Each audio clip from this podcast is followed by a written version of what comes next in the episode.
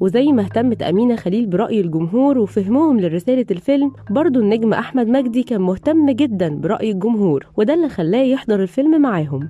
الحقيقة آه، أنا كنت حريص إن أنا أشوف الفيلم في القاعة مع الناس آه، عشان برضو ال- الفايب دي يعني أو الموجة دي الواحد بيبقى عايز يحسها يعني يشوف الناس إزاي متأثرة مع الفيلم. فأنا متفائل جدا وسعيد بالفيلم وفخور بيه وأتمنى يكون عجب الناس ومتهيألي يعني لحد بكرة هنبقى عارفين أكتر إيه ردود الافعال هتبقى باينة أكتر. دلوقتي لسه مش هيبقى باين يعني. أما بالنسبة لعرض الفيلم لأول مرة في مهرجان بحجم مهرجان القاهرة قال لنا أحمد مجدي هو أي مخرج مصري آه، عنده فيلم استثنائي وخاص هيحب جدا إنه يعرض فيلمه ده في مهرجان القاهرة الأول.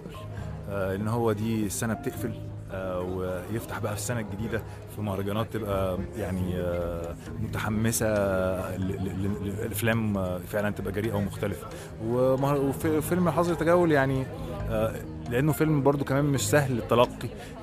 فعرضه في مهرجان القاهرة في وسط جمهور مصري يعني بالأساس آه، بيكشف حاجات كتير بعدين. وده كان بعد رأيه في الدورة ال 42 من المهرجان واللي اتعملت في ظل انتشار فيروس كورونا.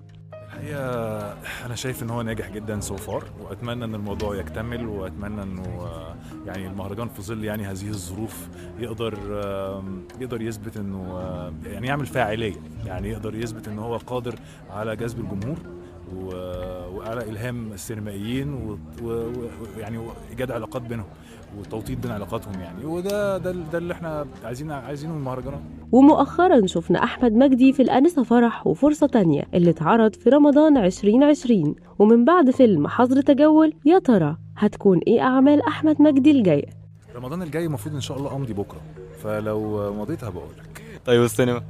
السينما اتنين طلعت حرب إخراج مجدي أحمد علي وأنا مثل فيه دور صغير وهو تاني إنتاج ليا وأتمنى نشوفه السنة الجاية يعني في أقرب وقت.